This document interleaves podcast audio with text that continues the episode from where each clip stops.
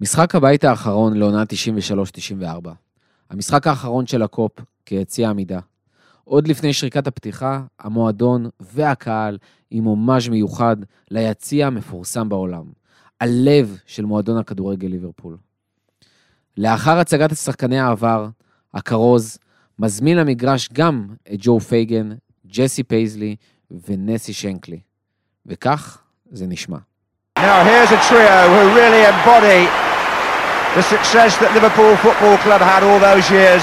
Joe Fagan coming out, an ex-manager of course, with the widow of the late Bill Shankly, that's Mrs Nessie Shankly, and Mrs Jessie Paisley, wife of Bob Paisley, who's still in the ground these days and who won so many trophies himself. And with Mrs Shankly walking onto the pitch, the cop pays tribute to the late Bill Shankly, who many people think started it all here.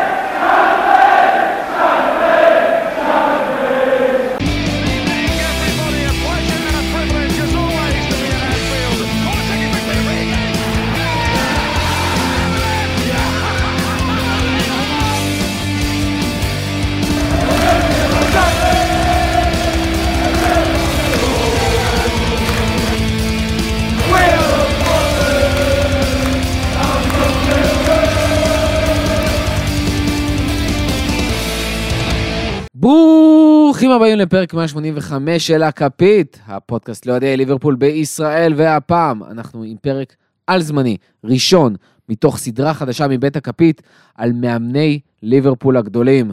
ואיך לא, אנחנו מתחילים היום עם המאמן האגדי של ליברפול, זה שהתחיל את השושלת האמיתית של המועדון, אה, זה שעל בסיסו נמצאת התרבות, המתקנים, השחקנים, הרוח, הכל. בילי שנקלי, אחד והגדול, אה, וילווה אותי היום בפרק, או יותר נכון, אני אלווה אותו, כי אין מה לעשות. גיא רגב, מה קורה? האמת שאני מתרגש. מאז שקראתי לי לכפית, אני יכול היום לעשות את הפרק הזה. ניגש אליו בחרדת קודש, עבדתי עליו הרבה יותר קשה מכל הפרקים הפיננסיים אפילו שעשיתי. הרבה יותר. ואני מקווה לעשות צדק עם האיש שבמידה מסוימת השפיע על החיים שלי יותר מכל בן אדם אחר חוץ מההורים שלי. אה, כן. או-אה, או-אה, כן, וזה. בן אדם שכאילו לא פגשתי בחיים, לא זכיתי לראות אותו ב- בחיים. בחייו. כן. כן, אה, אז כן, מתרגש. שמע, אה, זה פרק מיוחד, אני חושב שמעולם לא עשינו פרק כזה, עשינו פרקים על זמניים, אבל אה, לא כזה, במורכבות שלו, בסיפור שלו. אנחנו הרבה זמן, כאמור, רוצים לעשות פרק כזה ופרק על שנקלי, והנה סוף סוף זה קורה. אה, ילוו אתכם בתקופה הקרובה עוד פרקים על זמנים לפני תחילת העונה, אה, אבל אנחנו פה בשביל אה, לספר את הסיפור של ביל שנקלי, שכאמור זה באמת לספר את הסיפור.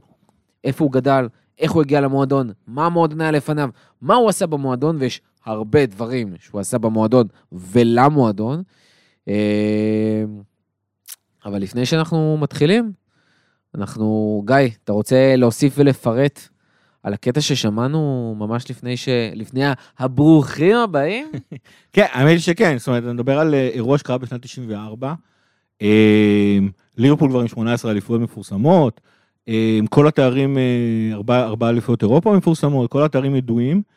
עולים למגרש אה, אשתו של, אה, של שנקלי, אשתו של פייזלי, ג'ו פייגן עצמו עדיין בחיים, דלגליש עדיין בחיים, אה, מאמן שזכה בדאבל, פייגן זה המאמן היחידי שהביא טרבל לליברפול, וכמו ששמענו בקטע, כל הקהל בוחר לשיר לבן אדם אחד, שאם אתה משווה אותו לפייזלי, כמות התארים לא, לא, לא, באותו, לא באותו סדר גודל. ו, והשאלה היא בעצם, למה? ו, ואני מקווה שמה שאנחנו נצטרך לעשות בפרק הזה, זה פשוט להסביר את התשובה שהיא מאוד מאוד פשוטה. צ'אנקלי הוא זה ש, שיצק לליברפול, לקבוצה הזאת, למועדון הזה, את הזהות, את האישיות ואת התרבות של המועדון, ש, שמלווה אותנו בעצם עד היום. האישיות שלו של התלהבות, של תשוקה, של שנינות, של ערמומיות, של עבודה קשה, של ביטחון עצמי. יש כאלה שיגידו יהירה והומור, הרבה יהירות לאוהדי ליברפול.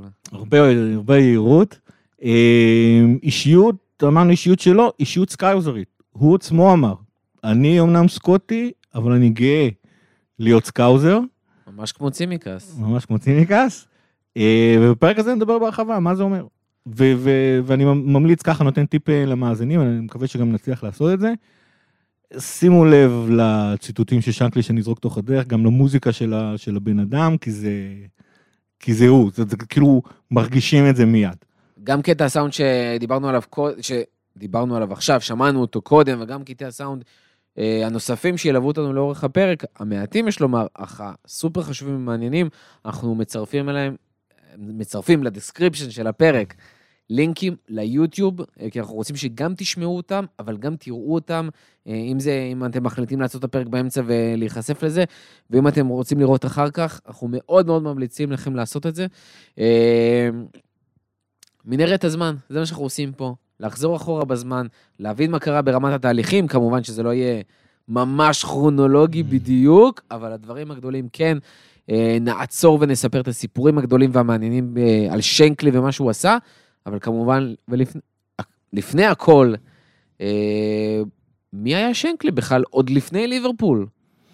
כן, אז סקוטי חמוד נולד ב-2 לספטמבר 1913 בעיירה שנקראת גלנבק. אה, הוא היה התשיעי מבין עשרה אחים. אה, במשפחה קראו לו ווילי, והיו לו ארבעה אה, אחים בוגרים, בנים, ועוד חמש אחיות, אחת מצעירה איתו, האמת זה יוצא בדיוק כמו אבא שלי. אה, תשיעי מתוך עשרה אחים והבן הצעיר. אה, גם האחים שלו היו שחקני כדורגל מקצועניים, והוא עצמו אמר שבשיאנו יכולנו לנצח כל חמישיית אחים אחרת, מה ששנקלי תמיד אומר. אה, לצערו, בזמן הנעורים שלו נאלץ לב- לבלות שנתיים כקורא פחה, אבל הוא פשוט, כל, כל החיים שלו מגיל 10-11, כל מה שעניין אותו זה לשחק כדורגל. אה, ואת המועדון הראשון שנתן לו הזדמנות לשחק כשחקן מקצועני היה קרלייל, הוא שיחק שם עונה אחת ב-32, עונה 32-33, ומיד אחרי זה עובר לפרסטון. בפרסטון הוא נשאר שם עד אה, 1948, הוא אפילו הספיק להיות בגמר הגביע ב-1937. הוא זכה בגביע ב-1938, שער הבכורה שלו היה באנפילד, ולימים הוא יגיד שאת המקצוע של מה זה להיות כדור... אה, אה, כדורגלן, מה זה להיות אה, שחקן כדורגל מקצועני, מה זה להיות מאמן, הוא למד שמה. אה, בנוסף, בנבחרת הוא הספיק לשחק חמישה משחקים בנבחרת סקוטלנד, שבעה משחקים נוספים בזמן המלחמה, אלא היו... לא היה, לא היה מהגדולים באותה תקופה, לא מהגדולים באותה תקופה. לפחות לא כשחקן. לא. אה, התפקיד שלו זה נקרא רייט האף. תפקיד שלא קיים היום כבר. שלא קיים היום, אנחנו מדברים על תקופה ששיחקו 2, 3, 5, אני חוזר עוד פעם, שני שחקני הגנה, שלושה קשרים, חמישה חלוצים, לא בדיוק אבל בערך. 2, 3, 5, רייטאף זה בעצם בתוך השלישיית הקשרים באמצע הוא היה ימני. אה, בתכלס קשר הורס, אה, מצד ימין, ש- והוא אמר שהמומחיות שלו הייתה אומנות המעקב. זה הנדו. כאילו, הנדו, סוג של, הנדו הגנתי. אה, משהו כזה, בין, אה, קח את פבינו, שים אותו בצד ימין, כשמאחוריך יש בלם אחד, זה בתכלס מה שהוא היה שם. אה, אבל הוא, הוא, הוא, זאת אומרת, דמענו עליו שהוא ערמומי, חושב קדימה. כל התקופה שהוא שחק כשחקן, הוא מעיד על עצמו שהוא הכין את עצמו להיות מאמן. הוא סיפר שהיה לו ביטחון מאוד מאוד גדול ביכולות שלו, במנהיגות שלו, וכל התקופה הזאת שכשחקן בעצם הכינה אותו מבחינתו לתקופה שהוא יהיה מאמן. ואז אנחנו מגיעים ל... כאילו, דיברנו על שנקלי לפני ליברפול? בואו נדבר על ליברפול לפני שנקלי? רגע, לפני זה, כן. כן, אמרנו. בתכלס, אה, בזמן שהוא היה שחקן, כנראה בזכות זה שהייתה מלחמה בהפוך על הפוך, אחרת לא היה לו... שוב, צריך להבין, זה בן אדם שהיה רואה ילדים משחקים בפארק ביום ראשון והיה מצטרף אליהם לשחק כדורגל. אה, המלחמה עצרה הכל באנגליה, אז הוא פגש את אשתו בצבא. אה, התחתנו בשנת 1944, שתי בנות, שישה נכדים, לצערו את הנכד עצמו. אה, הוא לא זכה להכיר, הצעיר שבהם. בתור מאמן, הוא התחיל לאמן בקרלייל, זה היה אצלם שלוש עונות, קבוצה בליגה השלישית, בעונה הראשונה שהוא לא התחיל, הוא הצליח להציל אותה מירידה. מקום שמיני, מקום, ואז הוא ישר שיפור מיידי למקום שמיני, מיקום שלוש, לא שלמו לו בונוס, הנהלה, יש לו יחסים מיוחדים עם הנהלות, אז הוא עזב, עבר לגרימסבי, שם הוא קיווה שהוא כן הצליח, עוד פעם ליגה שלישית. אה, כבר בעונה הראשונה, 18 ניצחונות מ-20 משחקים האחרונים, עוד פעם קבוצה שעמדה לרדת ליגה. אה, הבטיחו לו רכש, לא היה רכש, עזב. בילה עונה אחת בקבוצה בשם ווקינגטון בליגה השלישית, אה, ובנובמבר 1955 הוא נהיה עוזר מאמן בהדרספילד לחבר שלו מפרסטון, בשם אנדי ביטי. זה לא עזר, הם ירדו ליגה, ולכן אנדרו ביטי פוטר, אבל שנקלי מונה למאמן הראשי בנובמבר 56. הריפוטנציה שלו ממאמן זה מהתקופה הזאת, שם כל מה שהוא אמרנו שהוא לא- למד בפרסטון הוא יישם באדרספילד, ומשם הגיע הריפוטיישן שלו. עכשיו נגיע לליברפול לפני או. שנקלי. אז בואו נגיע לליברפול לפני שנקלי, שחשוב להגיד, אה, זה היה מועדון מוכר, מועדון שלקח תארים, זאת אומרת, לא מועדון בלי תארים בכלל, אה, אבל מנגד, מועדון קצת שבור, אה, בלי הרבה ייחודיות על מועדונים אחרים, אפילו לא המועדון הטוב בליברפול. אה, מועדונים אחרים באנגליה שהיו יותר מצליחים, לא סופר משמעותית, אבל מצליחים יותר, עם יותר גם פוטנציאל קדימה. אה, וגם עיר די שבורה, שבורה באותה תקופה. כן, כשהוא, הגיע לליברפול בשנת אה, 59, אנחנו נגיע לזה, ליברפול הייתה עם חמש אליפויות, האחרונה שלהם הייתה בעונה הראשונה אחרי מלחמת העולם השנייה. אה, אמרנו אליפות חמישית, אותו מספר אליפויות כמו אברטון ויונייטד לצורך העניין. ארסנל באותה תקופה הובילה עם שבע אליפויות, היא גם הייתה הקבוצה הגדולה הראשונה באנגליה. אה, ספציפית, הקבוצה בפורמה הכי טובה באותו זמן הייתה וולס, שאת שלושת האליפויות שלה לקחה בשנות החמישים. אנחנו מדברים על סוף שנות ה-50, התקופה הזאת, שהוא נכון, בעצם מגיע שנות שנות לליברפול. ה-50, אנחנו מדברים על קבוצה שעוד לא זכתה בגביע האנגלי, זה מאוד משמעותי להמשך. אה, כאשר את העסק הזה מובילה אסטון וילה עם אה, שבעה גביעים. אה, קבוצה שקראו לה לידלפול. זאת אומרת, הייתה קבוצה שכאילו מבחינה מקצועית לא הייתה טובה, ו... אבל שחקן אחד כן היה שם, כוכב אחד. לידל, לא סתם כוכב, יש כאלה שנשבעים עד היום שזה השחקן הכי טוב ששיחק במדי ליברפול, יותר מקני דרליש וכו'. היה כל כך טוב, היה כל כך משמעותי, שבאמת לקבוצה קראו לידלפול. זו כאילו התקופה היחידה שקראו לקבוצה על שם השחקן. אמרת, הזכרת, אברטון הקבוצה הבכירה בעיר. אה, אבל זה לא רק זה, אנפילד עצמו, שנקלי כשהגיע קרא לו בית השימוש הכי גדול בליברפול, כי זה מה שהוא היה. אה, מלוד היה חורבה, וגם שם כששנקלי הגיע הוא שאל ישר את, אה, את, אה, את עוזר המאמן, הגרמנים הפציצו גם פה, כאילו הם לא הסתפקו רק בלהפציץ את, אה, הנמה של ליברפול. וזה היה המצב של המועדון, זאת אומרת, זה היה עוד קבוצה, עוד מועדון, מעיר גדולה, יש לו אליפויות, לא יותר מאחרים, לא פחות מאחרים. אה, עיר גדולה מייצרת קבוצה עם חמש אליפויות לא- לאותה תקופה. אה, אבל זה לא רק זה, העיר עצמה הייתה עיר בשקיעה. עד אה, סוף, בסוף המאה ה-19 ליברפול נקראה העיר השנייה ב- באימפריה. הרבה בזכות הנמל. הרבה בזכות הנמל.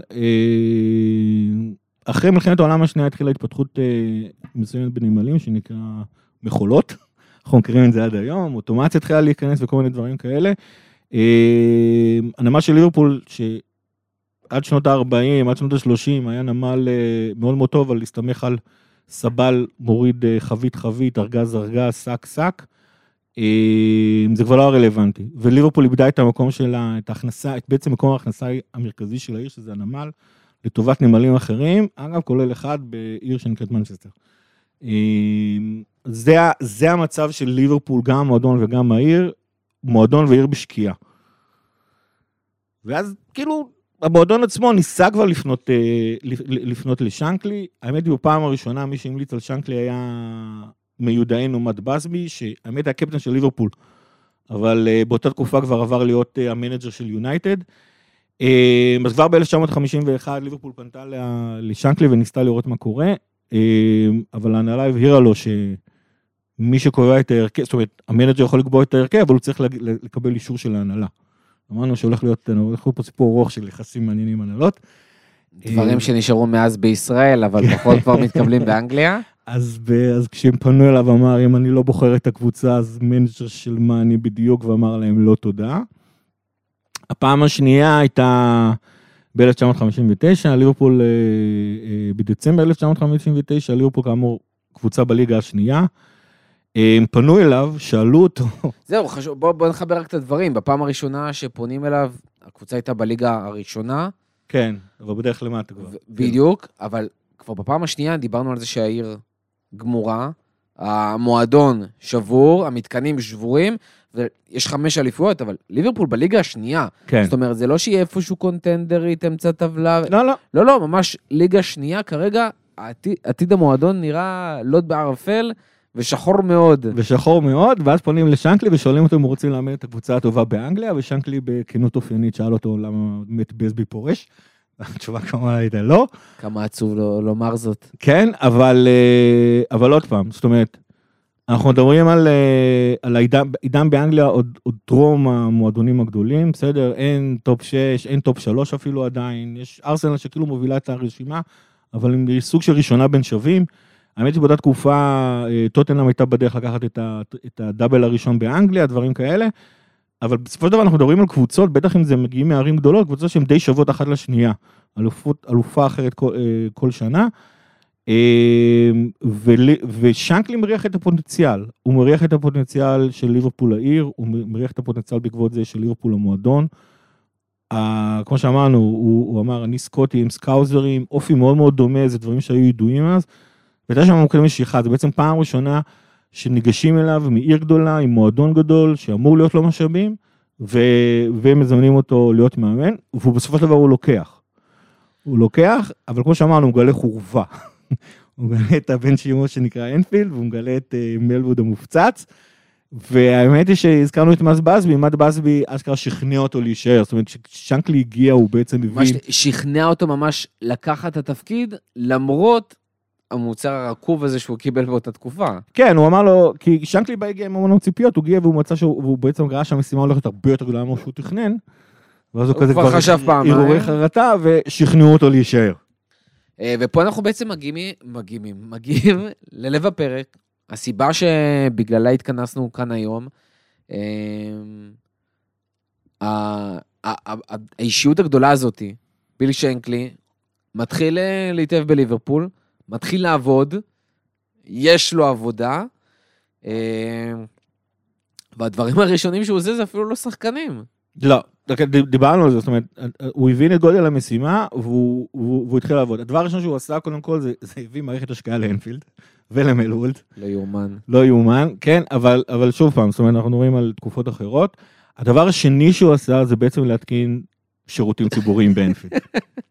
לא חשוב. זה- זה- זה חשוב, אבל, אבל, אבל, אבל בסופו של דבר יש פה שתי דברים. אחד, יש פה הבנה מאוד מאוד עצומה שתשתיות זה הדבר שהכי חשוב למועדון. זה דברים אחד. שלוקחים אותנו עד היום. עד, עד היום, ודבר שני, זה שהיחס לקהל, זה משהו שמאוד מאוד חשוב למועדון, כי הוא מייצר קהל נאמן.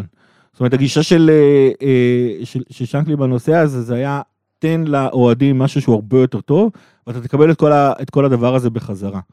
וזה זה משהו שמאוד מאוד חשוב, ומלווה אותו לכל הקריירה שלו, בטח בליברפול, אה, היחס המיוחד הזה עם האוהדים.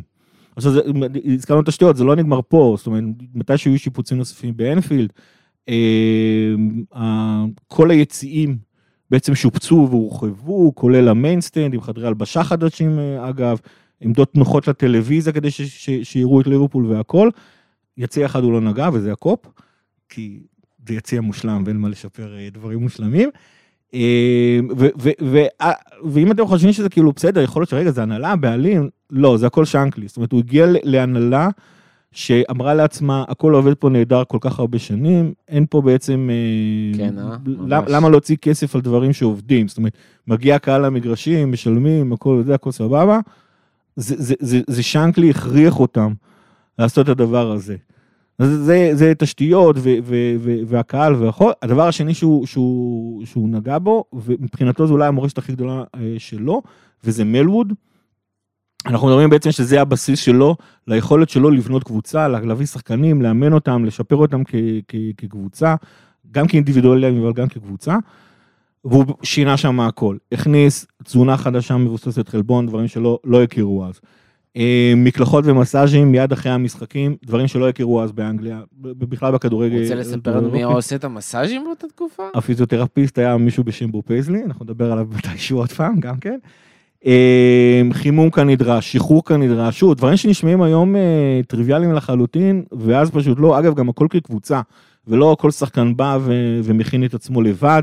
חדר הכושר עבר למלווד, הוא אפילו המציא שיטת אה, אימון שנקראת sweat boxes, או קופסאות הזעה אם אתם רוצים.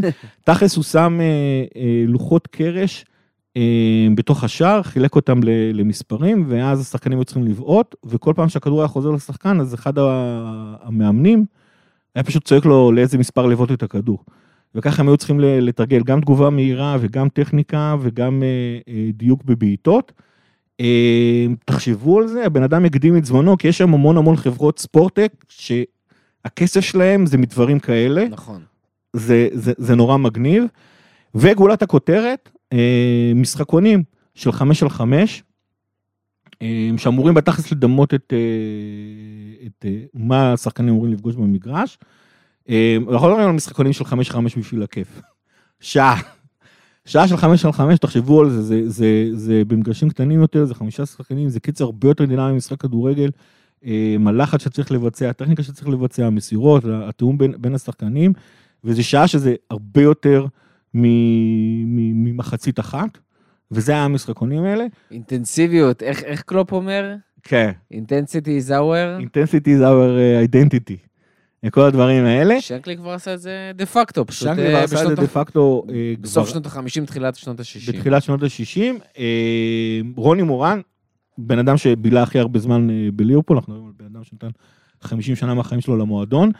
אמ, אז היה שחקן צעיר, מגן ימני, אם אני לא טועה, אה, ו- ופשוט אמר שבשלושה החודשים הראשונים שהוא היה עם שנקלי, הוא למד יותר מכל חמש השנים שלפני כן. אה, ועוד פעם, זה דברים שהוא הכניס. דבר נוסף שכולם אה, יודעים על ליברפול והשושלת של ליברפול, שקשה קצת להתעלם ממנו גם. זה הבוטרום, ובאופן מפתיע זה דווקא לא שנקלי. זאת אומרת ששנקלי הגיע, אנחנו נדבר על זה שהוא, שהוא נפטר עם המון שחקנים לא רלוונטיים, אבל בדבר אחד הוא לא נגע, וזה כל עוזרי המאמנים שהיו ב, ב, במועדון. אנחנו מדברים על ב- בוב פייזלי שאתם מכירים, על ג'ו פגן שבטח שמעתם עליהם, על בחור בשם ראובן בנט, על בחור בשם תום סנדרס, והם אלה שהרכיבו את ה boot room. עכשיו החבר'ה האלה אה, בעצם היו יושבים בחדר הנעליים, ולכן השם של המקום, ובעצם מתכננים את הטקטיקות של, של ליברפול. מדברים על שחקנים, איזה שחקנים יש, על, על היריבות, שחקנים יריבים שצריכים להגיע, שחקנים שרוצים לגייס, איך בעצם אנחנו נפתור את הבעיה של אה, זה. שנקלי ראה את השיתוף פעולה בין האנשים האלה ואמר, בואנה זה מתאים לי. אני אוהב, הצוות המקצועי בעצם. אני אוהב את המן טו מן, לעבוד עם, ה, לעבוד עם האנשים, לתת להם את המוטיבציה, אה, והם מביאים לי את הטכניקה. וזה אפשר לו לנהל את המועדון, הזכרנו תשתיות, הזכרנו מלווד, הזכרנו הרבה דברים שהוא בנה. אה, והם, והם היו באים ואומרים לו מה תוכנית המשחק למשחק הבא, וזה היה עובד. זאת אומרת, זה, וזה נשאר בליברפול עד אה, גרים סונס הדבר הזה. עכשיו אה, דיברנו על הבוטרום, דיברנו על כל הדברים שהוא החדיר, דיברנו על דברים פיזיים. אבל אה, שנקלי, כמו שאמרנו, יש הרבה מעבר לפיזיות, יש את הדברים הרוחניים, העקרונות. אה, ואני חושב שזה השלב גם לדבר על העקרונות שבאמת אה, שנקלי הביא למועדון, שהם מעבר לדברים הטכניים. נכון. אז- הדבר החשוב ביותר מבחינתו היה איך הוא מדבר עם השחקנים שלו. והוא האמין ב- ב- בזה שצריך לדבר עם השחקנים, ברור פשוט. אנחנו מדברים על מנהיג, אנחנו מדברים בעצם על, על, על תפקיד שמאוד מאוד דומה למפקד בצבא. אי אפשר עכשיו להיכנס אה, אה, להסברים פילוסופיים והסברים מדעיים. צריך לתת הוראות פשוטות, ברורות ומדויקות. אה, ושנקלי בתור הבן אדם שהוא, הוא היה בן אדם כזה, כי הזכרנו שהוא גדל בעיירת קוראים אה, בסקוטלנד, אה, והוא פעם אחת, אחרי שהוא השתחרר, הוא, הוא יצא בעצבים על האנשים האלה שרואים בטלוויזיה, והוא אומר, הם החובבנים, אנחנו המקצוענים, לא ההפך כמו שאתם חושבים. אנחנו היינו מדברים פשוט, מדברים על אנשים שמדברים אותם בטלוויזיה ושרוצים להראות ולעשות שם לעצמם, אז הם מדברים בשפה גבוהה ובמילים שבערך 10% מה, מה, מהצופים מבינים, אבל אנחנו לא, אנחנו ידענו להעביר את המסרים שלנו. אתם לא תשתמשו, הוא אומר, להשתמש במילה avaricious. אתם תשתמשו, הוא אומר פשוט, he's a bloody greedy. הוא חמדן נאלח, אה, אבל זאת אומרת, הבדיחה הזאת היא בעצם מתארת מה שהוא רוצה, הוא רצה, הוא היה חשוב לו שהשחקנים מבינים את, ה, את המסר שלו. וזה הדבר שמבחינתו היה הדבר הכי חשוב מבחינתו בתור מאמן. הדבר השני זה יכולת שלו לזהות שחקנים, ו- ועוד פעם, זה מן הסתם זה שילוב של יכולת אבל זה גם כמובן פיזיות וגם כמובן אישיות, כאשר מבחינתו אישיות זה אומץ ועבודה קשה. ופעם הוא... הוא, הוא, הוא גם אומץ, אה, מדובר פה יותר על אה, לקיחת סיכונים, דברים כאלה. לא לפחד להיכנס דברים. בכדור, גם. כל מיני דברים כאלה, לא לפחד, אבל כן, בתכלס כן. כל הדברים האלה, דברים שאנחנו מכירים אה, מהיום. וגם עבודה קשה, זאת אומרת, אנחנו מדברים על זה שהוא, הוא- הוא- שהוא אמר פעם, שאלו אותו פעם על, על הקטע של נבדל פסיבי. זה היום כבר לא קיים, אבל פעם אם היית בנבדל והכדור לא היה מגיע אליך, אז היום זה נבדל פסיבי ולא שורקים, אבל פעם היו שורקים על הדבר הזה, ושאלו אותו פעם על דעתו על, על, על הנושא הזה, ואז הוא אמר, משפט נורא פשוט, אם שחקן לא מחזיק בכדור, לא מח... או סליחה, אם שחקן לא מעורב במהלך של המשחק, הוא לא משפיע על המשחק. או לא בעצם. מחפש להיות מעורב במהלך של המשחק, אז הוא צריך להיות. זאת אומרת, זה נישוד בי, הוא כאילו צריך להיות, לחפש להיות מעורב, אין דבר כזה ששחקן נמצא על המגרש, והוא לא מעורב, ב... והוא לא מעורב במהלך המשחק או במשחק הזה. מבחינתו כל הקטע הזה של נבדל פסיבי היה לא הגיוני בעליל. בעקבות הדבר הזה יצא לו שם של בחור קשוח. רק אה, בגלל זה? גם בגלל זה, גם על זה הוא אמר, שהוא קשוח, עוד פעם, דיברנו, בן אדם באמת שמבין את האנשים ש, שמולו. אה, והוא היה, הוא תמיד אמר שהוא קשוח עם השחקנים שצריכים שאני אהיה קשוח איתם.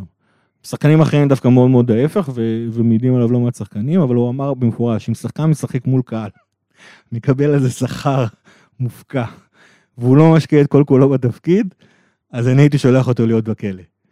ופעם אחרת הוא גם אמר עליו שהוא שולח אותו להיות חבר פרלמנט, כי זה הדבר היחידי שהוא יכול לעשות. אמ, וכמובן מנטליות. זאת אומרת, הנושא הזה ש, ש, שכדורגל בסופו של דבר זה, זה הרבה פעמים בראש. אם אתה תאמין שאתה הדבר הכי טוב, אז אתה תהיה הדבר הכי טוב. ואתה גם תכריח את, את עצמך לוודא שזה מה שקורה.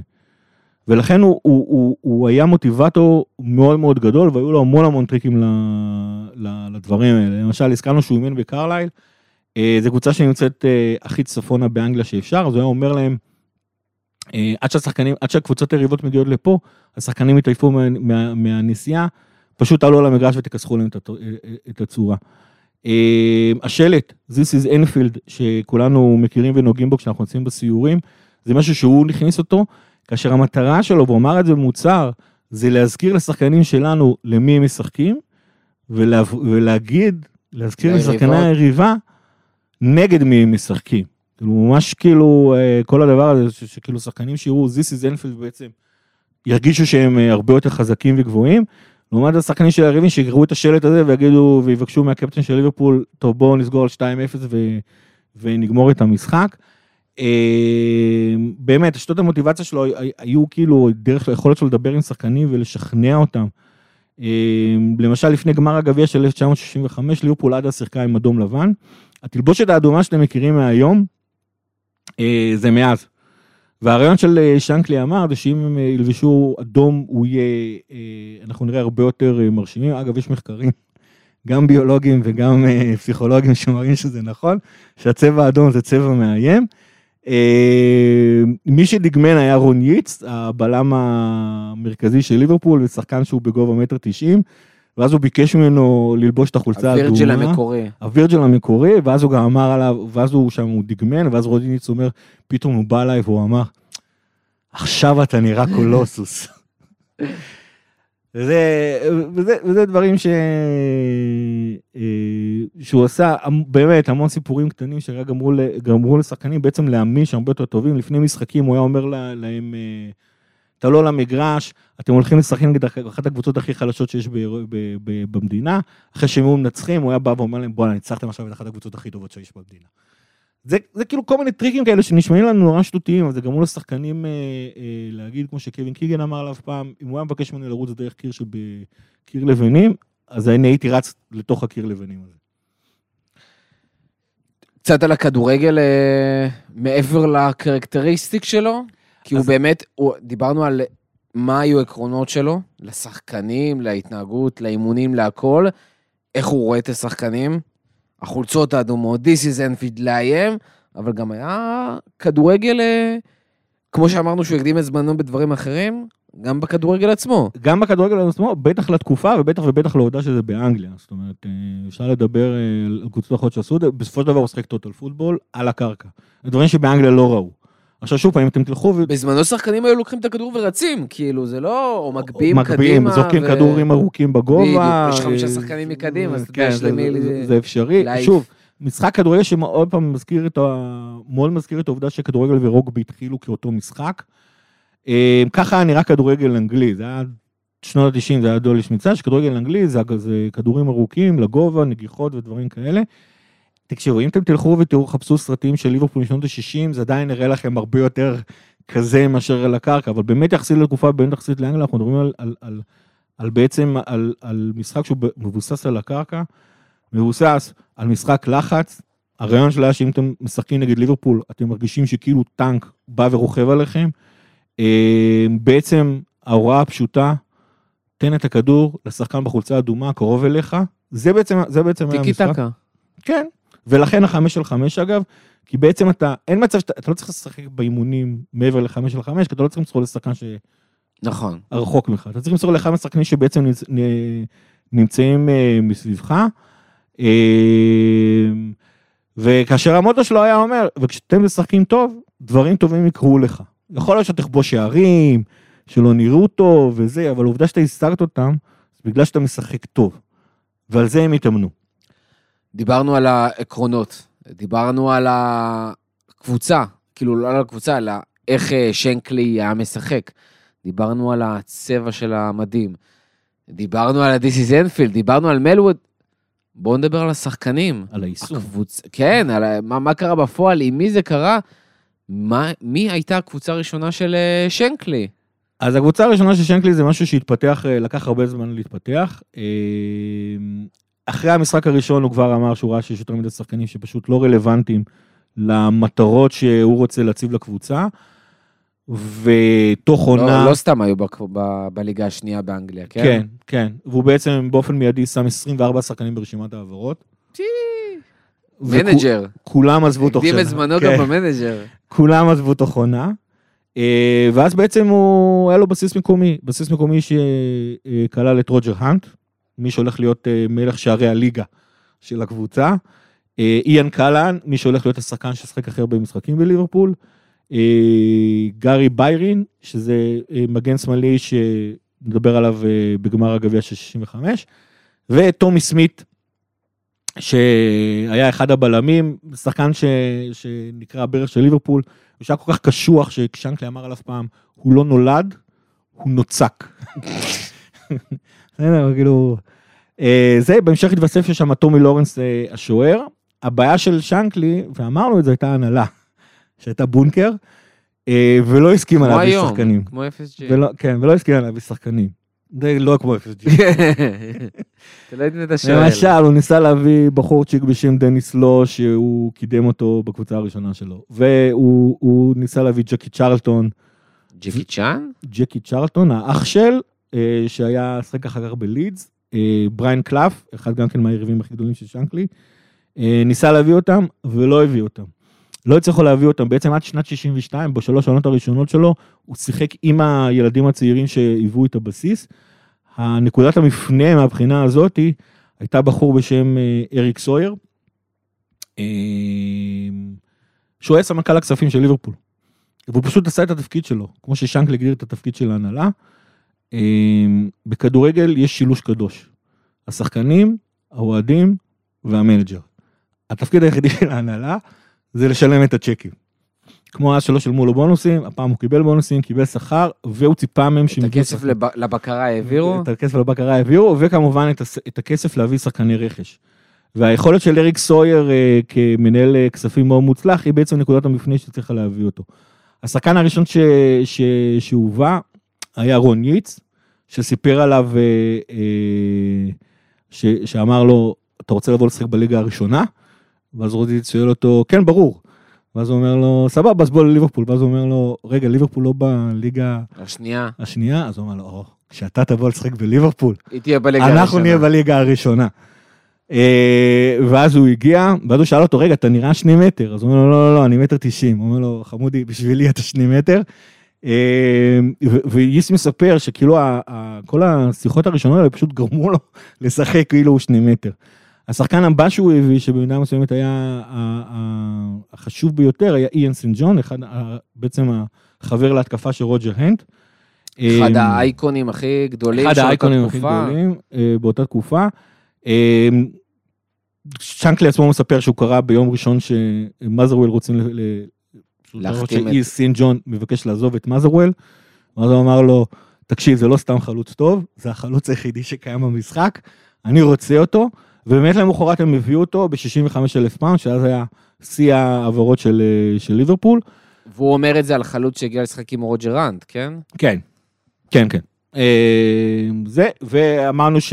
אז, אז בעצם אה, הזכרנו את ארבעת השחקנים, הזכרנו שני שחקני רכש, ולהשלמת ההרכב, אז אמרנו לורנס שכבר היה, רוני מורן המוכר, הגיע גם לולר, אה, הגיע שחקן בשם מילן, הגיע שחקן בשם סטיבלסון, פיטר תומסון שהגיע ושנקלי אמר עליו שהוא הווינגר הכי טוב באנגליה, למרות שאז שיחקו ג'ורג' בס ועוד כל מיני כאלה. בוא נגיד שהוא אמר על הרבה שחקנים, הוא העצים אותם כדי להביא על אותם כל שחקן לליברפול, ששיחק בליברפול, הוא היה השחקן הכי טוב בתפקידו. איכשהו במקרה. אי פעם. כן, כן. הכי טוב באירופה. אבל מה החשוב? שהשחקנים האמינו לו, וככה הם שיחקו על המגרש. אה, הזכרנו את אה, איאן קלהן, סנט ג'ון, האנט וג'ף סטרונג, אלה היו בעצם אה, 13 השחקנים העיקריים של הקבוצה הראשונה. 1962, סוף כל סוף, ליברפול זוכה באליפות הליגה השנייה ומשלימה עלייה. עולה לליגה הראשונה. רון ייץ אמר עליו שמבחינתו זה הרגע הכי חשוב של שנקלי, כי בלי זה לא היה קורה שום דבר. וב-1964, כולה בעונה השנייה של ליברפול בליגה הראשונה, זה דברים שהיו רלוונטיים לתקופה ההיא, אה, זוכה באליפות הראשונה. אליפות ראשונה אחרי 17 שנה, תואר ראשון אחרי בעונה 17 השלישית של שנה. שנקלי בליברפול בעצם. לא, בעונה החמישית של שנקלי. החמישית? החמישית של שנקלי אוקיי. בליברפול, הרביעית המלאה, בעונה השנייה שלהם בליגה הראשונה. שנקלי לוקח בעצם את האליפות הראשונה שלו, יחד עם השחקנים האלה, שמחה וששון בכל רחבי ליברפול, ובעצם אה, פה הוא נוטע יתד חזק ברפיוטיישן שיפתח לו. אבל לא זה הסיפור. עונה אחר כך, בשנת 1964-65, ליברפול מסיימת במקום השביעי, אחרי האליפות, רחמנא ליצלן, היום זה צליבות ועניינים, אבל הוא עושה שני דברים. אחד, הוא מגיע לחצי גמר גביע אירופה לאלופות, מנצח את אינטר 3-1 ב- באנפילד, ונוסעים למילאנו, כאשר הוא, הוא טוען שאמרו לו והבטיחו לו שוופא לא תיתן לליברפול להגיע לגמר, כי הם בעד אינטר. ויש כל מיני סיפורים, אה, לשנקלי היה, מישהו אמר עליו שהוא היה מאוד חשדן כלפי לא אנגלים. אה, לא שהוא היה אנגלי. והיו שתי, לא בריטים, ו... והיו שני, אה, שני טעויות שיפוט גדולות, ששניים, ששניהם נולדו ב... בשערים וזה, אה, ולכן אינטר ניצחו 3-0 ועלו לגמר, שופטים של אוהפה. כן, שופטים של וופא, אה, אבל אז מגיע הקטע, המשחק, שמבחינת שנקלי זה האירוע הכי גדול שלו בחיים, וזה גמר גביע של 1965. הזכרנו את גרי ביירין קודם, אה, שבתור מגן שמאלי, אז כבר בדקה השלישית הוא שבר את עצם, עצם הכתף שלו. זה לא הפריע לו לבשל את השער הראשון כשהוא רץ אה, באגף השמאלי ומגביה את הכדור לרוג'ר אנט. אה, ליברפול משחק נגד לידס, אחת הקבוצות הכי טובות באותה תקופה, עם המנג'ר האגדי שלה בשם דון ריבי. אה, קבוצה שבדרך לקחת שבעה תארים חשובים בדיוק כמו מה ששנקלי יעשה. משווה לאחת אחת, נכנסים להארכה, פעם ראשונה שיש הארכה בגמר הגביע באנגליה. איאן קלהן רץ באגף הימני, מגביה כדור, וכמו שאומר השיר, up pops the head of Ian St. נגיחה מאוד מפורסמת, אגב עכשיו ליברפול אה, מוציאה את אה, 130 השערים, אז הוא אחד מעשרת השערים הראשונים לבחירה של ה- שערים של שאנחנו הקהל. מצפים לראות מנוניז כן, בתקופה, כן. בשנים הקרובות. תכלס. אה, האמת היא זה היה יותר... אה, איאן סנט ג'ון היה שחקן גבוה, והוא גם בתכלס הוא היה צריך אה, להתכופף בשביל להגיע לכדור, ועדיין עשה את זה בנגיחה. אבל דברים שאיאן סנט ג'ון היה מומחה בהם, וזה בעצם אה, אה, גמר הגביע. אה, בעצם הגביע הראשון של ליברפול בשנת 1965, אחרי 73 ניסיונות של ליברפול מנסה לקחת את הגביע, סוף כל סוף הוא מצליחה, ושנקלי אמר, הדבר הזה הוא ראה אנשים מבוגרים, בוכים. זו הייתה התחושה הכי נפלאה שבן אדם יכול לחוות. אמ, היו לי המון המון רגעים בחיים קסומים, פנטסטיים. זה היה הרגע הכי הכי גדול בחיים שלי. לא בשבילי, בשביל האוהדים של ליברפול. מטורף. מטורף, מרגש. מרגש, יש לי עכשיו צמורת שאני, שאני חוזר על המילים האלה. אה, וזה החיבור של שנקלי עם שזה בסופו של דבר זה, זה, זה מסוג הסיפורים שמתארים אה, למה הקהל כל כך אהב את, אה, את שנקלי בתקופה הזאתי. וזה תואר שני של שנקלי עם ליברפול. תואר שני לא של איזה- עונה אחרי עונה, כן. שוב פעם, זה דברים, הייתה אליפות, עכשיו הגביע, עכשיו הגביע, חצי גמר גביע אירופה לאלופות, וזה כשליברפול הייתה ממש שנתיים לפני עוד ב- בליגה השנייה. שנתיים לפני בליגה השנייה, ואז מגיעה שנת 1966. ב-1966 זוכה באליפות השנייה שלו, הוא גם מגיע לגמר גביע אירופה למחזיקות גביע. אה, לצעירים שלכם זה נשמע מוזר, אבל פעם באירופה היו שלושה... שלושה מפעלים. שלושה מפעלים, גמר גביע אירופה לאלופות, שזה שזכו בו בעצם כל האלופות, רק אלופות.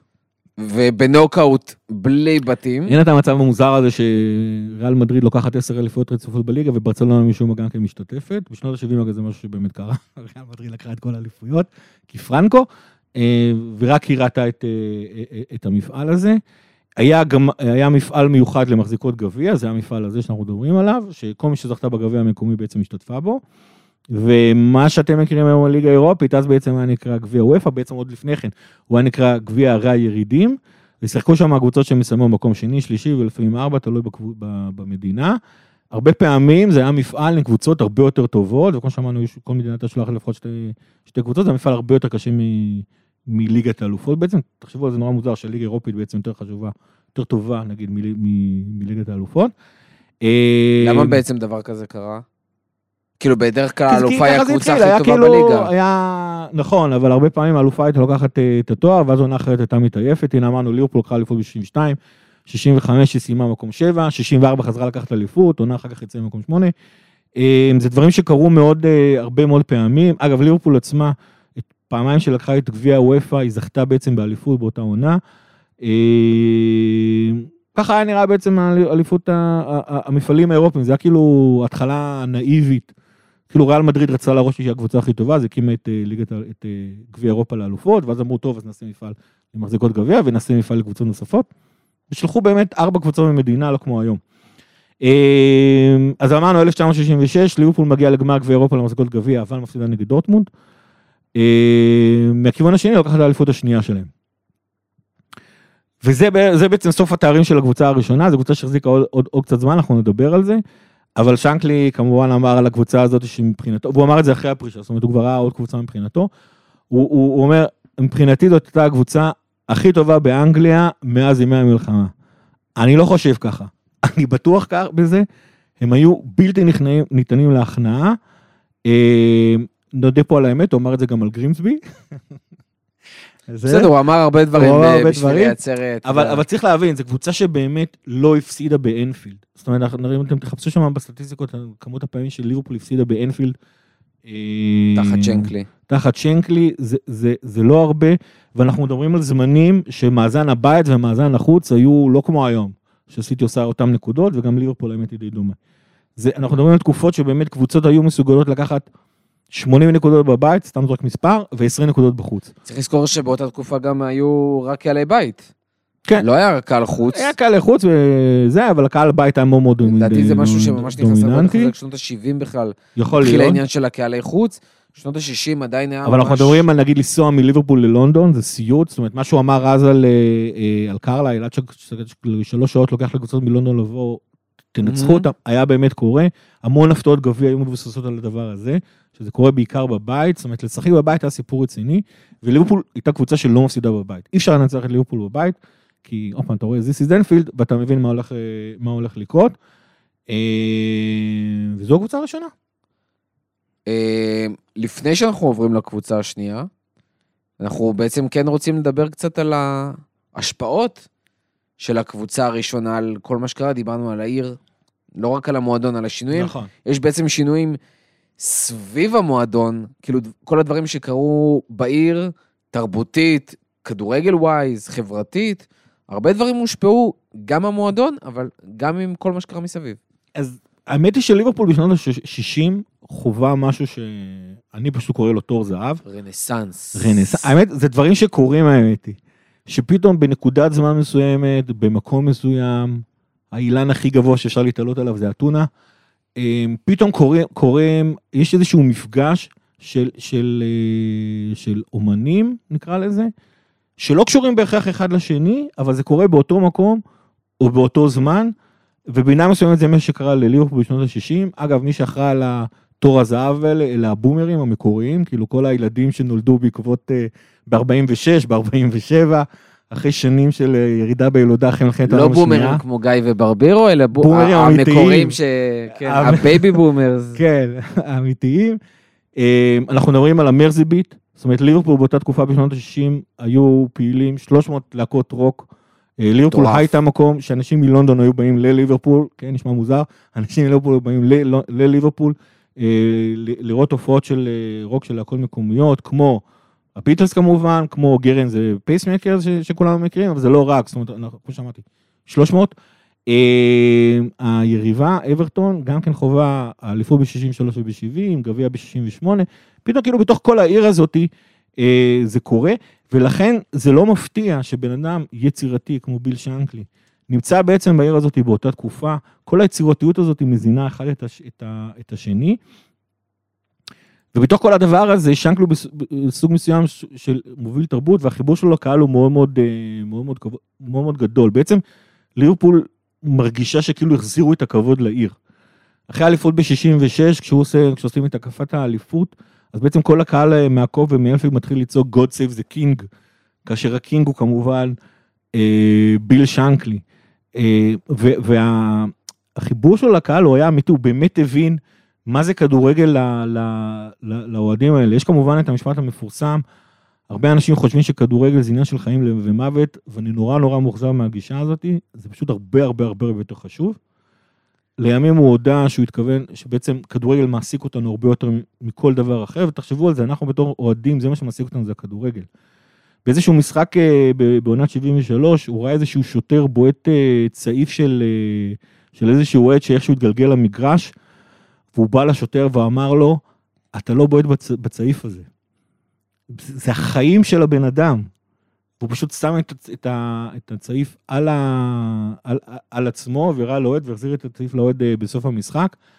אה, אחרי הפרישה שלו, ב- שנגיע ליותר מאוחר, מתברר שהוא היה שולח מאות מכתבים לאוהדים באופן אישי, מדבר איתם, אחר כך גם גילו שהוא היה קונה להם כרטיסים ודואג שהם יצליחו להגיע ברכבת. הוא, הוא היה מדבר עם אנשים, ואנחנו מדבר, הוא, מדבר, הוא לא היה מדבר עם אה, הדוכס מלנקשר, הוא היה מדבר עם האוהדים עצמם, אנשים שמגיעים אה, לאנפילד ולקופ, הוא היה כנה עם אוהדים, הם מבחינתו היה הדבר הכי הכי חשוב.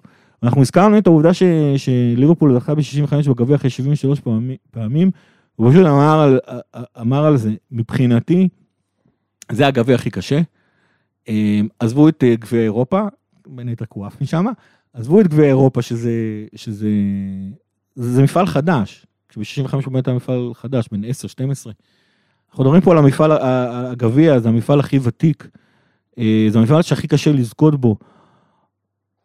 73 שנה לא לקח להם אה, לקחת את זה, ואני, ואני חשבתי שזה ביזיון איום ונורא, ולכן, וכשהאוהדים של ליברפול, התושבים של ליברפול, לא צריכים לסבול את כל ההקנטות של האנשים האחרים וזה, וכמו שאמרתי, ולכן זה הרגע הכי גדול של האוהדים הזה, והקהל חש את הדברים האלה. ובסופו של דבר משם הוא נהיה אייקון תרבותי, מה שאומר שכאילו כשהוא לא לקח אה, שום תואר בחמש הש- השנים שאחר כך, זה לא הפריע בעצם לאף אחד. כן. דרך אגב, דיברנו על העניין של אייקון תרבותי, והתקופה הזאת של השנים הראשונות של שנות ה-60, Gerry Pacemakers, זה השנים ש-You'll never walk alone בכלל נכנס, כן. אה, כממש שיר של אוהדי ליברפול. ב-63 הוא בעצם ממש נכנס למצעדים, אפילו בראש המצעדים, אה, כשהם עושים בעצם את הקאבר, אה, וממש הסיפור ש... אה, שממש באו עם השיר, כאילו, לליברפול, לשנקלי, להנהלה, הציעו להם את השימוש, להשתמש בשיר, השתמשו בזה באחד האימונים, ומאז זה ממש נתפס כן, והתחיל ש- להיטמע כהמנון של המועדון. כמו ששנקלי אמר לגרי מרסדן פעם, אה, אתה הבאת לי המנון ואני הבאתי לך קבוצה. משהו בסגנון. אני הבאתי. לך קבוצה ואז אתה הבאת לי גם המנון על הדרך. כן. נראה לי יותר אה, נכון. דיברנו על הקבוצה הראשונה, כל מה שבעצם שנקלי יצק, שתי אליפויות, גביע, אה, ואז אבל- שנים של כלום. ש- זהו, בדיוק, יש את השנים של, כנו, שנים של כלום, שחקנים שמתחילים להזדקן, אה, כן. ושנקלי צריך אה, לבנות אה, קבוצה שנייה ממש כמו שקלופ עושה היום. עושה היום, ו- וזה קטע, וזה קטע מעניין, כי כשאנחנו חושבים על שנקלי, אז עוד פעם, אנחנו כשאנחנו מסתכלים על העבר, אז הרבה דברים מתערבבים לנו ביחד. אנחנו אומרים, ליברפול זו הקבוצה הכי מעוטרת באנגליה, וכו' וכו', ואז כאילו נשמע לנו, ברור לנו שאם ביל שנקלי התחיל את הסיפור הזה, אז ביל שנקלי הוא הבן אדם... אה, הוא הביא ה- תארים. הוא הביא תארים. העניין עם ביל שנקלי היה כזה, הוא אמנם היה, אמר פעם את המשפט, אם אתה הראשון אתה אלוף, ואם אתה שני אתה כלום, אבל הוא היה שני ומטה הרבה מאוד פעמים. והוא היה מאוד החלטי, וראינו איך הוא העיף שחקנים אה, על, על, על כלום, ובאופן מאוד מהר, ו, ויש כאלה שיקראו לו אפילו אכזרי, יש כאלה שאמרו עליו שהוא קשוח, אבל מעבר לכל הוא היה בן אדם, והוא התאהב בשחקנים שלו, והוא אהב, הוא אהב באמת את השחקנים שלו כשחקנים וכבני אדם, והוא לא יכל. איך אתה בעצם אה, מפריש את רוג'ר האנט? איך אתה אומר לטומי לורנס, אתה שוער לא טוב? אה, ו- ומעל הכל בסופו של דבר הוא היה... איך אתה אומר לקייטה, די חלאס בוא נתקדם ונביא שחקן אחר. אי אפשר, אי אפשר. נה, אבל חכה ליום שיצטרכו להגיד את זה להנדו. אה, ובעצם בסופו של דבר הוא שמר להם, אה, הוא שמר להם אמונים. אגב, זה לא שליברפול אה, אה, ירדה, זאת אומרת, בדרך כלל תמיד הייתה ב top five. היא עדיין הייתה קבוצה שחייבים לעבור דרכה בשביל לקחת תארים, אבל כבר לא היו תארים.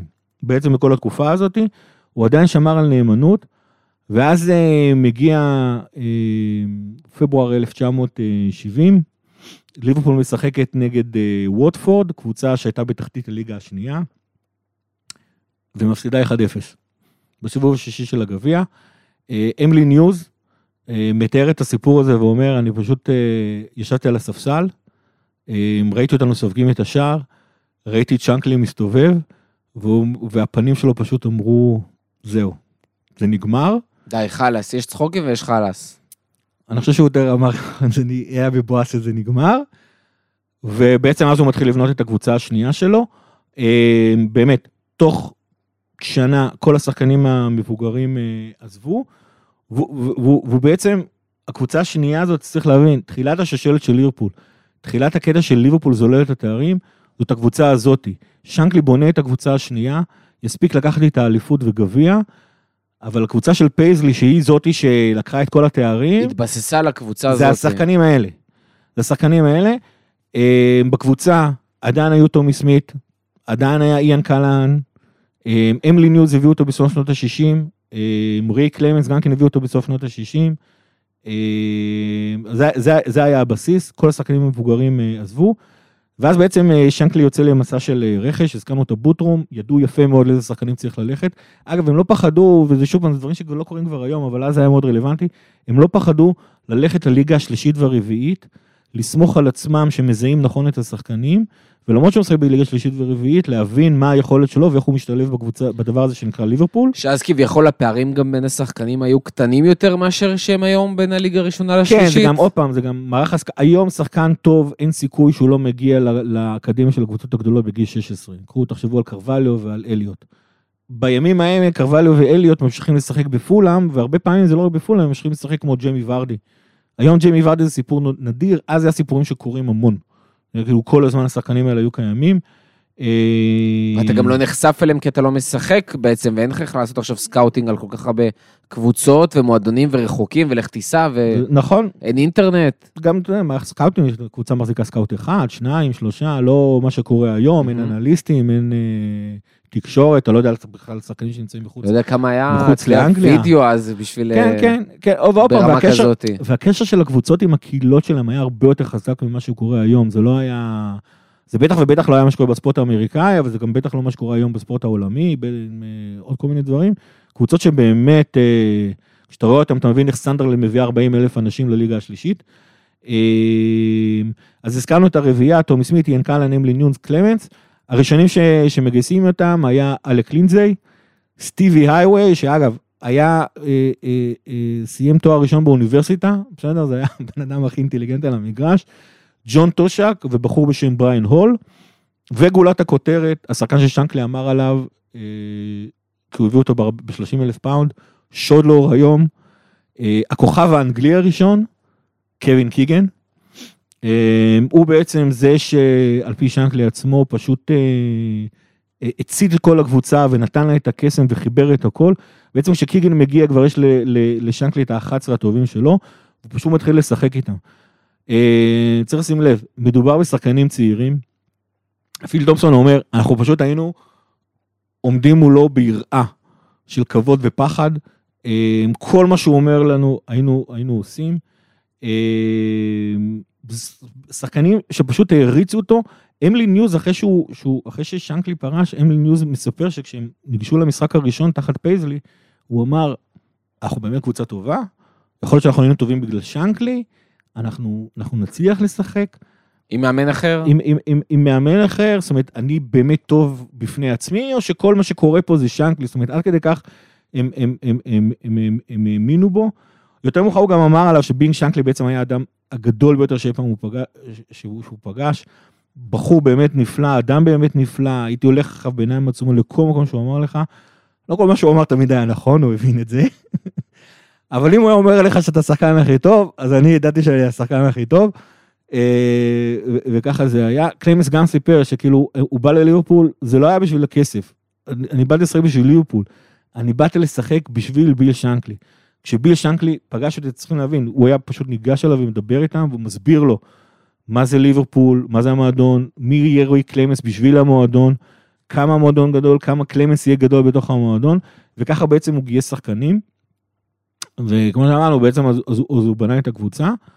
והתחילה לרוץ. על העונה הראשונה של הקבוצה הזאת, בסדר, אנחנו רואים שבסוף שנת 1970 הוא נפטר מהשחקנים, בשנת 1971, ליברפול כבר מגיע לגמר הגביע נגד ארסנל, היא אפילו הובילה, אבל אה, נאלצה אה, לראות שער שוויון בדקה ה-90, וארסנל מנצחת בתוספת הזמן. אה, ואז קורה דבר מדהים, ליברפול חוזרת ל... ל זאת אומרת, המועדון הכדורגל ליברפול חוזר לליברפול. נפגשים כולם שם בסנט ג'ורג' הול. לפני- אולי קטע הוידאו המפורסם ביותר, כאילו, על שנקלי. על שנקלי, כן. כאילו, אם יש קטע וידאו שרוב האנשים מכירים, או הכי מכירים, זה זה. זה זה. הסיפור הכי, אחד הסיפורים הכי מוכרים. אנחנו- כן, אנחנו מדברים על אה, נאום שאיציק אלפסי שהתארח אצלנו בפרק, אמר נאום ברמה של בגין. עכשיו שנקלי, שוב פעם, אנחנו- אני רוצה להזכיר- להגיד עוד פעם, ליברפול מפסידה בגמר הגביע, חוזרת לעיר, נפגשת בסנט ג'ורג' הול, זה שם ממול תחנת הרכבת, ו... רואה 100 אלף אוהדים, ואז שנקלי פותח במילים, אתמול הפסדנו בקרב, אבל לא הפסדנו במלחמה. וזה הזמן לשים את הקטע, ואנחנו חוזרים מיד לאחר מכן. Since I come here to Liverpool or to Anfield, I have drummed it into our players time and again that they are privileged to play for you.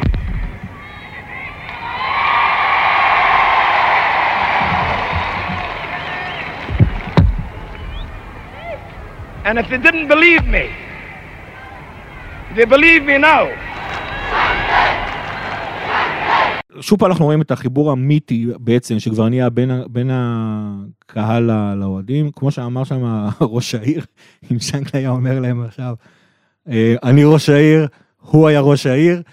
אה, אבל תחשבו גם איזה ביטחון זה נותן לשחקנים הצעירים האלה, שרואים קודם כל את האהבה של הקהל ל- למנג'ר שלהם, ואיך המנג'ר שלהם בעצם אומר להם, אה, זה מה שהולך להיות איתכם, אתם זוכים פה באהדה שלא תלויה בדבר, ו- וכמה תמיכה וכמה ביטחון זה נותן לשחקנים. אה, כבר בעונה הבאה, עונת אה, 1972, כמעט אליפות. אגב, היה שם מאבק של ארבע קבוצות. דרבי לוקחת את האליפות עם אה, 58 נקודות, לידס, ליברפול וסיטי אה, במקום השני עם 57. אה, ליברפול הייתה ממש ממש קרובה במ- במשחק ה-41 של ליברפול, היא מפסידה לדרבי, כמעט אליפות עם 57 נקודות, כאילו... זה שתי נקודות לניצחון, זה יותר. כמה זה יוצא בערך על שלוש? כנראה יוצא 77-80 נקודות, משהו כזה. אה, כן, משהו כזה. אה, ליברפול מפסידה במשחק הלפני האחרון שלה לדרבי, אה, ובחוץ, ועושה תיקו במשחק הביתי. סליחה, גם כן בחוץ. אמרנו שמשחקי חוץ זה תוצאות אחרות לגמרי. נגד אז- ארסנל אז שסיימה 42 חמישית, 42 משחקים 42 בעונה. משחקים בעונה, ובגביע היו משחקים חוזרים מהתיקו. צ'מפיונשיפ, אה, קיצור. כן, משהו כזה. אה, ועדיין ממש מרחק של ניצחון אחד אה, מלקחת אליפות, זה לא קורה. דרבי קאונטי, קבוצה שם עומדת לפני פירוק. לוקחת אליפות. ואז מגיעה עונת אה, 72-73, אה, והקבוצה הזאת פשוט מתחילה להתפוצץ. דאבל.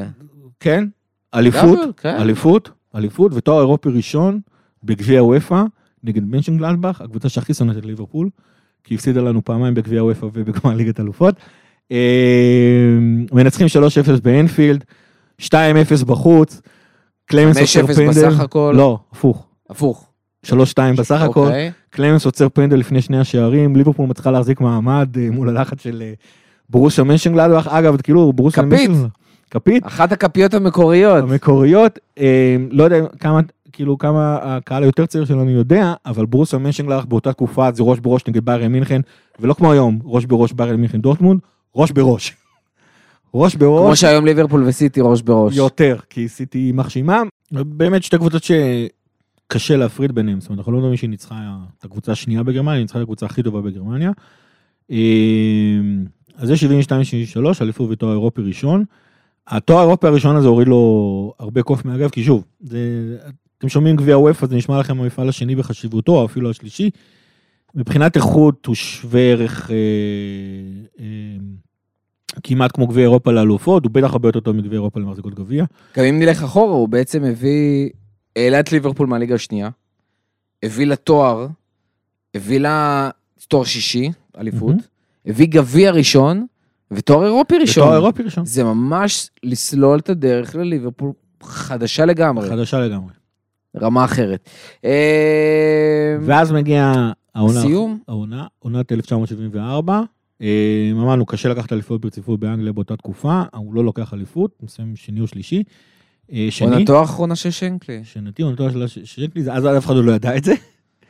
ומגיעים אבל לגמר הגביע בשנת 1974, אה, נחשב באמת לאחד המשחקים הכי טובים של, אה, של שנקלי, אם לא הטוב שלהם, כאילו באמת מבחינת איכות.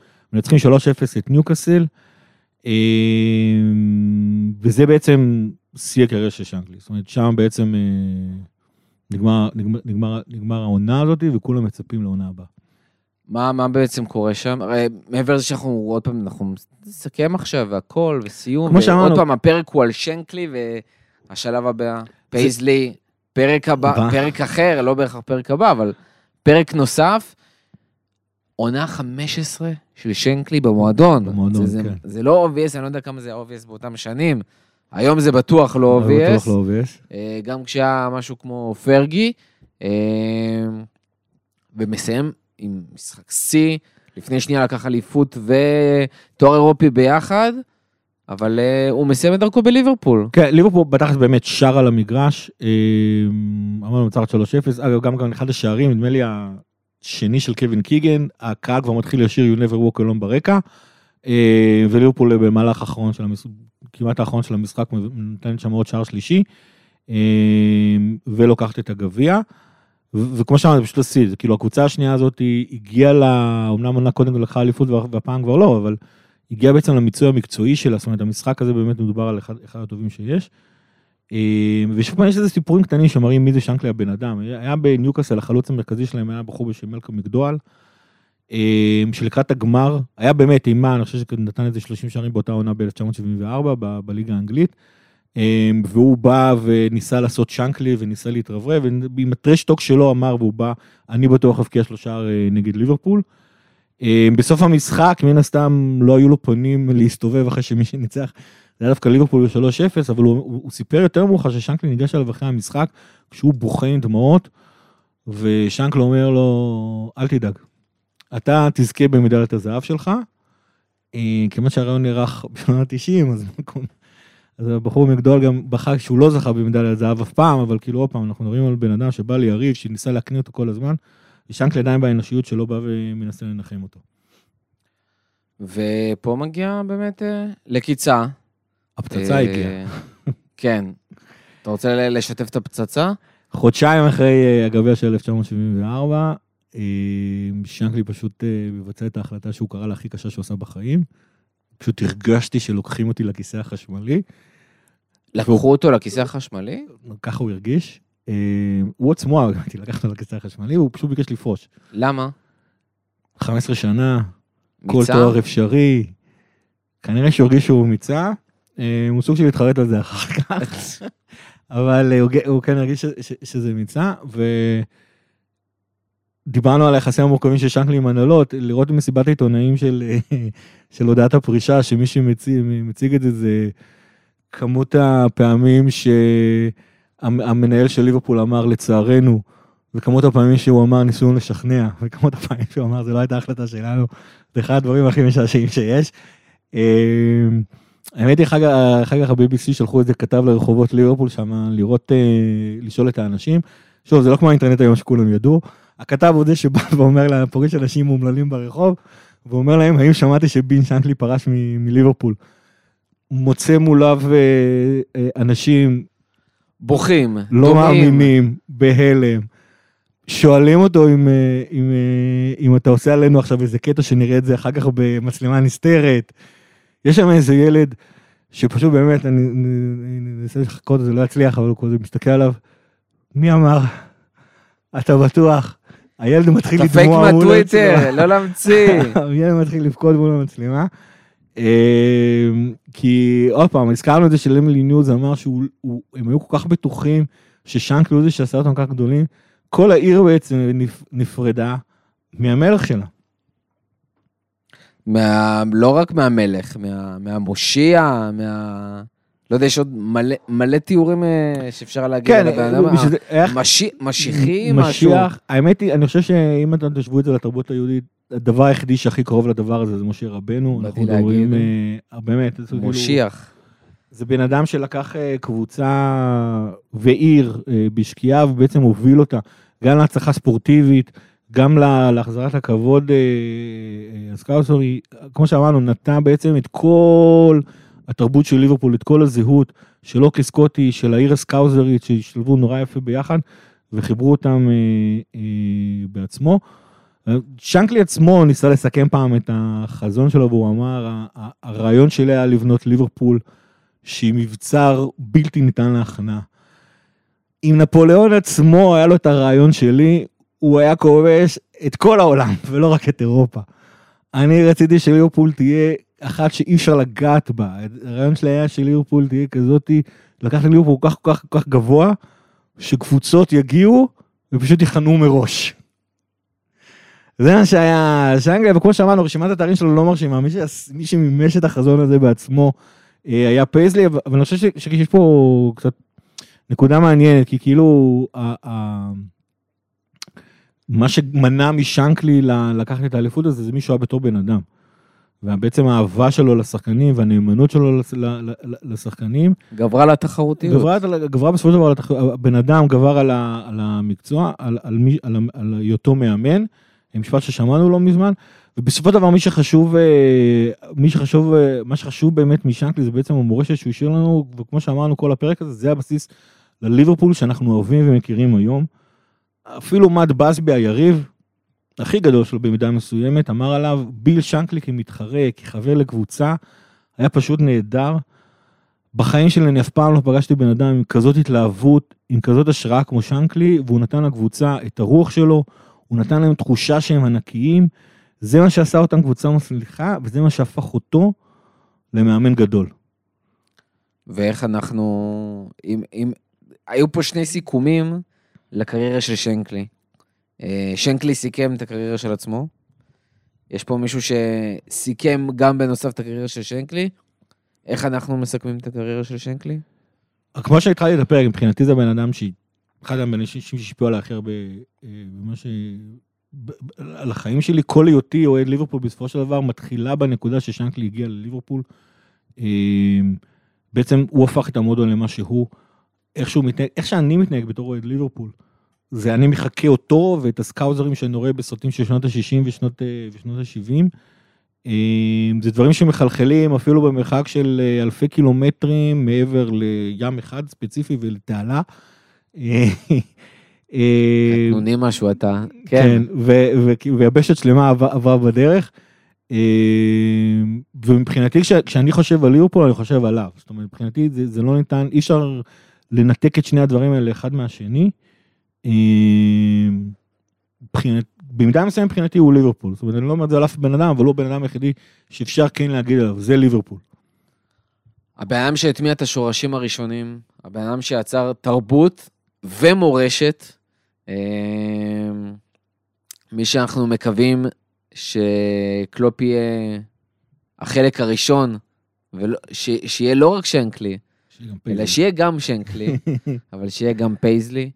אמ, וכמו שגיא, דיברנו קצת לפני, בסוף אה, מי שמהווה את כל מה שאנחנו אוהבים בליברפול של היום. זה, זה לגמרי זה, זה שנקלי, זה המאמן, זה האייקון, זה האגדה, זה הבן אדם, זה המאמן, אה, זה הבן אדם שכל כך אוהב כדורגל. לא, לא פחות מאיתנו, אה, ובעיקר אוהב כדורגל הרבה יותר משהוא אוהב אפילו לנצח. וכאן אנחנו נסכם. פרק ראשון מתוך סדרה של פרקים על מאמנים הכי גדולים, אה, ראשון המאמנים הגדולים, כך נקרא לו, אה, רגע לפני שמגיע המאמן ש... המעוטר ביותר בהיסטוריה של ליברפול, ויש מצב גם יישאר, כי כל כך הרבה שנים, כל כך הרבה תארים, כל כך הרבה ברצף, זה משהו שיהיה מאוד קשה לעבור. מלר שעד היום מחזיק כמעט בשליש מהתארים של ליברפול. מטורף, מטורף. אה, אז אנחנו עוד נגיע אליו. אה, דבר אחרון לפני שאנחנו מסיימים? נראה לי ניתן לשנקלי לסיים. כן, אז אנחנו לא נסיים בלפטר, אנחנו כן אה, נסיים לפני כן בלהגיד תודה רבה גיא. תודה רבה מוחו. פרק, עוד תודה רבה לך, על התודה לי. פרק סופר מושקע, עמוק, ארוך, מלא סיפורים. לא פשוט היה להרכיב את הפרק הזה, ועוד לתמצת אותו לשעה וקצת, ולא לחמש שעות שגם היה אפשר. אמ, ולאחר מכן גם, ועכשיו אנחנו נסיים אה, במה ששנקלי עצמו אמר אה, בעצם על הדבר החשוב ביותר מבחינתו כבן אדם, אף פעם לא שיקרתי לשחקנים. בבקשה. everything I've got about football to football and the dedication and what I put into the game. Yes, you only get into, out the game what you put into it, Shelley. Mm-hmm. And I put everything into it I could and still do. For the people and for the people that I was playing for and the people that I was manager for. I didn't cheat them out of anything. A manager who's who's a manager and his and his players are honest with the with him and they, he's honest with them. He can transmit his thoughts to them. And I'm certain I've headed some balls that were going into the net. I've kept them out. Yeah. yeah. And I've scored a few goals as well. I think I was the best manager in the game and I should have won more. yeah.